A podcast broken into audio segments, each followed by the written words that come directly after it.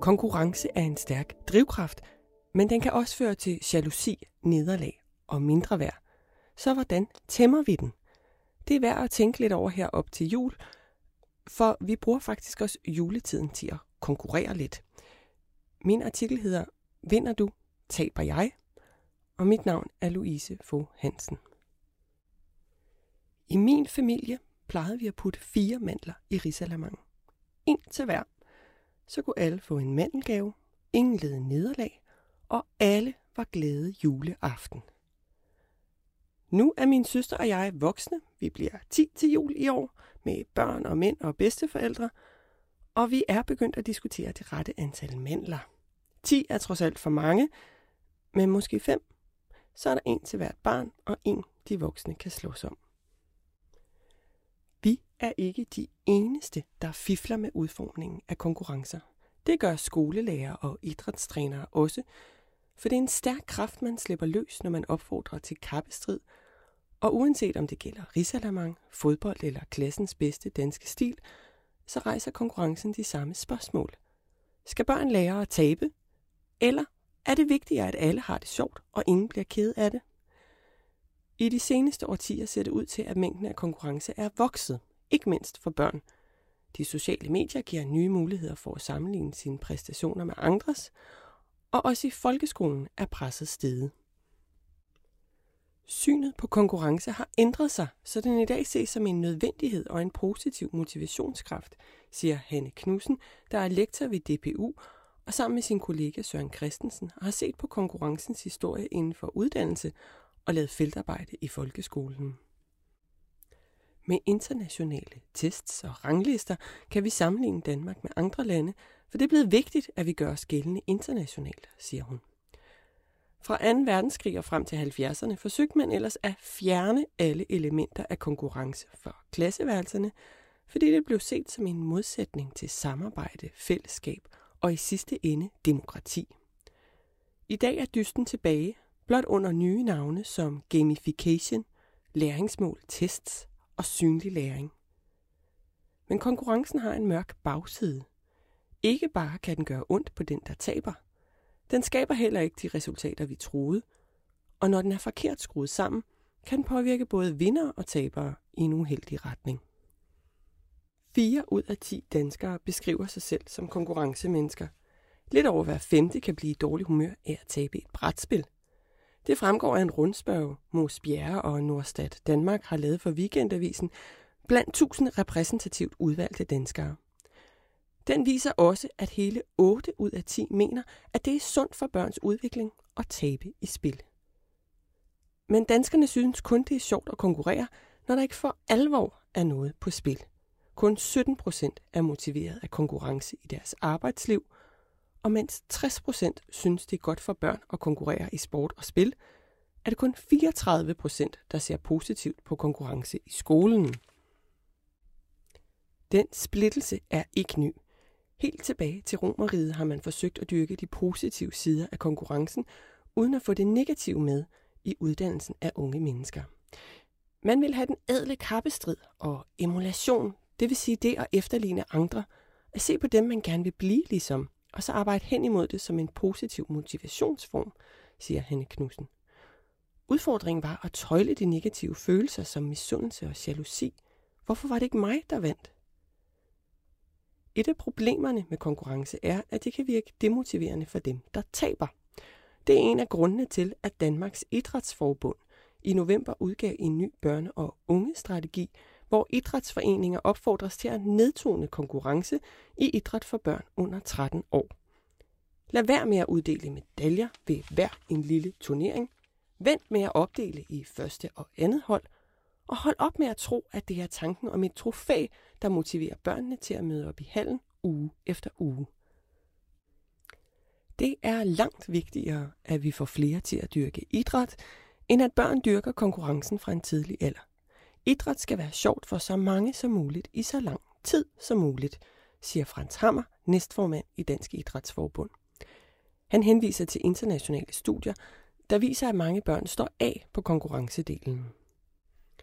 Et eksempel er et amerikansk studie, hvor 300 basketballspillere fra 6 til 10 år skal vælge mellem en lang liste af grunde til at dyrke sport, og det at vinde og blive populær kommer på sidste pladsen. I stedet lægger børnene vægt på at lære at gøre deres bedste, forbedre deres evner, være en del af et hold og have det sjovt. Et dansk studie af 7.000 idrætsaktive unge viser desuden, at det kan få de unge til at falde fra, når træneren kun tænker på målscoren, mens de bliver hængende, når der er fokus på det sociale og plads til at udvikle sig. Dertil kommer et stigende konkurrencepres på de unge i dag, siger Frans Hammer. Børn i dag bliver målt og varet på sociale medier og i skolerne i ekstrem grad. Den samlede sum af konkurrence er steget, så når børnene kommer i deres fritidstilbud, skal vi ikke lægge flere lag på.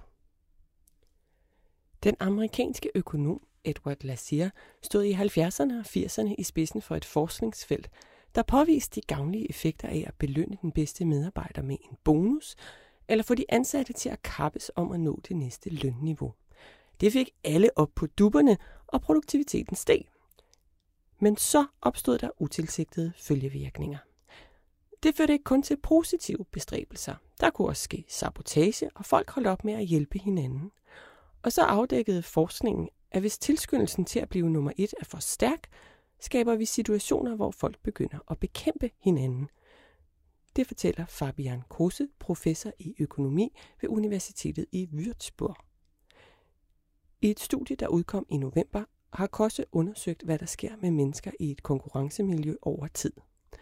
I et forsøg på at bryde den sociale arv udvalgte Chile i 2016 64 gymnasier, der havde elever fra ressourcesvage hjem, og tilbød de 15 procent bedste studerende fra hvert gymnasium en plads på universitetet.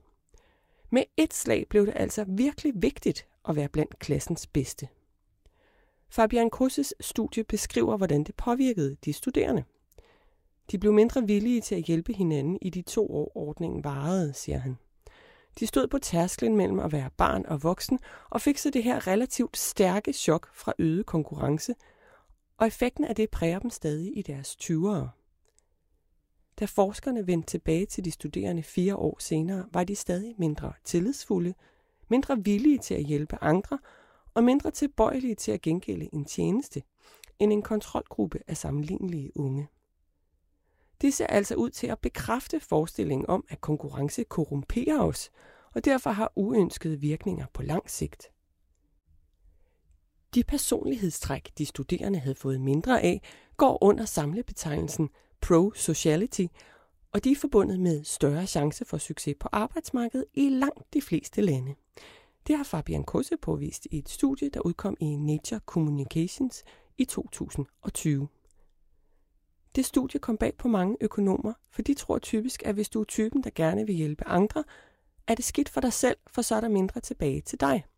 Men jeg havde data fra over 70 lande i verden, og der var kun to eller tre af dem, hvor sammenhængen ikke var positiv, siger han.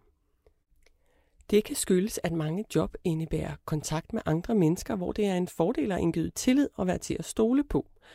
Det gælder ikke kun for højtuddannede medlemmer af den talende klasse, understreger Fabian Kose, men sådan set også for håndværkere og omrejsende løsarbejdere.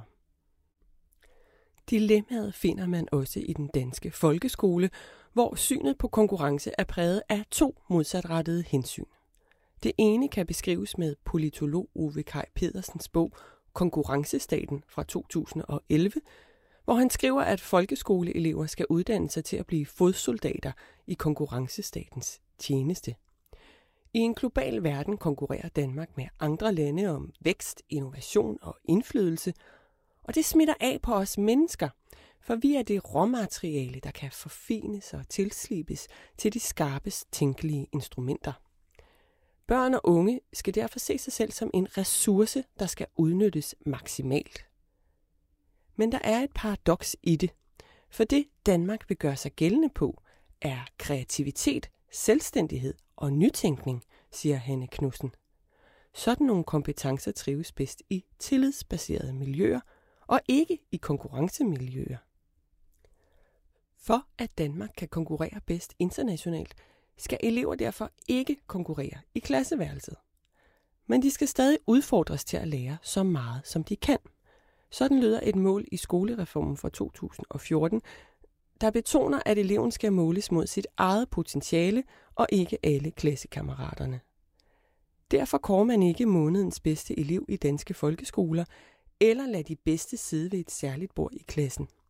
Men konkurrencen sniger sig ind på andre måder.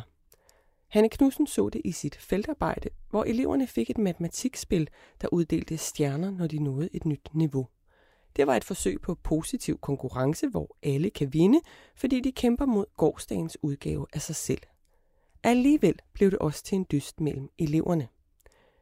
Læreren lavede en tavle nede bag i klassen, hvor børnenes navne stod.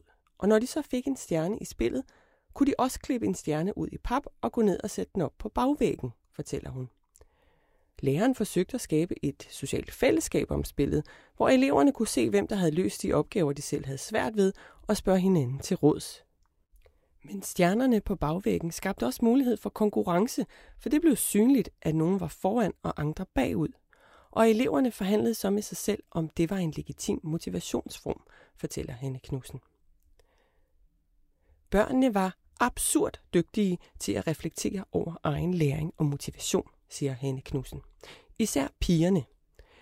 En af dem sagde, at det er vigtigere at være dygtig end at vinde, og forsøgte dermed at lægge bund på sin egen lyst til at gå ind i konkurrencen.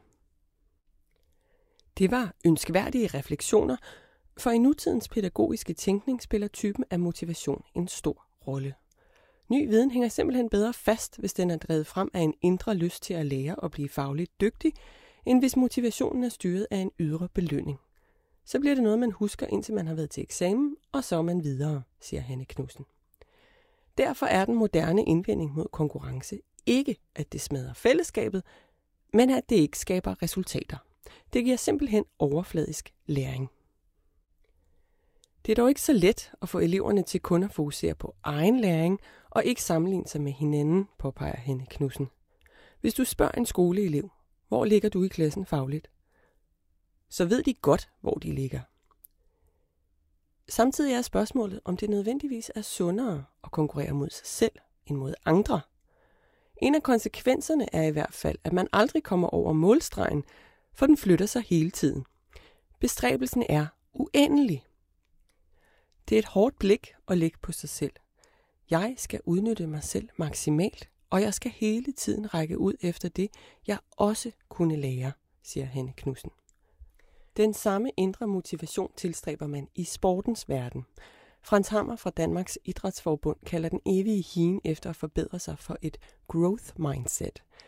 Det er den evne til at give sig selv løbende feedback, der driver topatleter frem mod den enestående præstation, og samtidig sikrer, at man ikke bliver doven af succes. Hvad skal der til for at blive bedre? Det skal man tænke over lige meget om kampen gik godt eller skidt. Der er rigtig mange på ungdomslandshold, der ikke kommer videre til landsholdet, og det er måske fordi, de har lignet sig tilbage, siger han. Trods de potentielle bivirkninger kan der også være gode grunde til at fremme konkurrenceiveren. For eksempel viser et studie fra 2021 med hollandsk data, at de mest konkurrencelystne med større sandsynlighed har lang uddannelse, høj stilling og høj indtjening, og studiet anslår, at 5-10% af forskellen mellem mænd og kvinders resultater på arbejdsmarkedet kan forklares med, at mænd er mere konkurrenceglade end kvinder. I et arbejdspapir fra 2021 påviser Fabian Kosse, at piger fra ressourcesvage hjem, som er de mindst konkurrenceløsne, faktisk får mere blod på tanden efter et år i et mentorprogram, hvor de har tilbragt tid med en kvindelig universitetsstuderende. Det viser miljøets indflydelse, og at det er muligt at påvirke lysten til konkurrence, siger han. Endelig viser Fabian Koses data, at hjælpsomhed og konkurrencelyst ikke nødvendigvis er modsætninger. De ressourcestærke børn i mentorstudiet bar ofte begge træk, sociale evner og en tro på, at de ville kunne matche en modstander i en dyst. Studiet med hollandsk data giver også konkurrencemennesker oprejsning. De er ikke specielt asociale eller egoistiske, men lægger stor vægt på hjælpsomhed. Desuden er de gladere og mere tilfredse end gennemsnittet, de føler sig tættere på andre mennesker og har samme sandsynlighed for at være i et parforhold som alle andre. Evolutionært giver det mening, at konkurrencelyst og sociale evner kan gå hånd i hånd, siger Fabian Kose. For i fortiden var mennesket del af en gruppe, der slogs mod andre grupper, og så var det en fordel både at kunne samarbejde og stille kampklar op til en udfordring. Så måske er konkurrence ikke så farlig endda. Men hvis det skal være sjovt for alle, må nederlaget ikke gøre alt for ondt. Det skal i det mindste være til at bære. I Danmarks Idrætsforbund er en af løsningerne at konkurrere på flere parametre, så man i for eksempel taekwondo kan dyste både i kamp og teknik, og flere oplever sejrens rus. Og så kan man jo øve sig i små fjollede konkurrencer, hvor det alligevel ikke har nogen reel betydning, om man vinder eller taber. Kampen om mandlen i Risalamangen, for eksempel.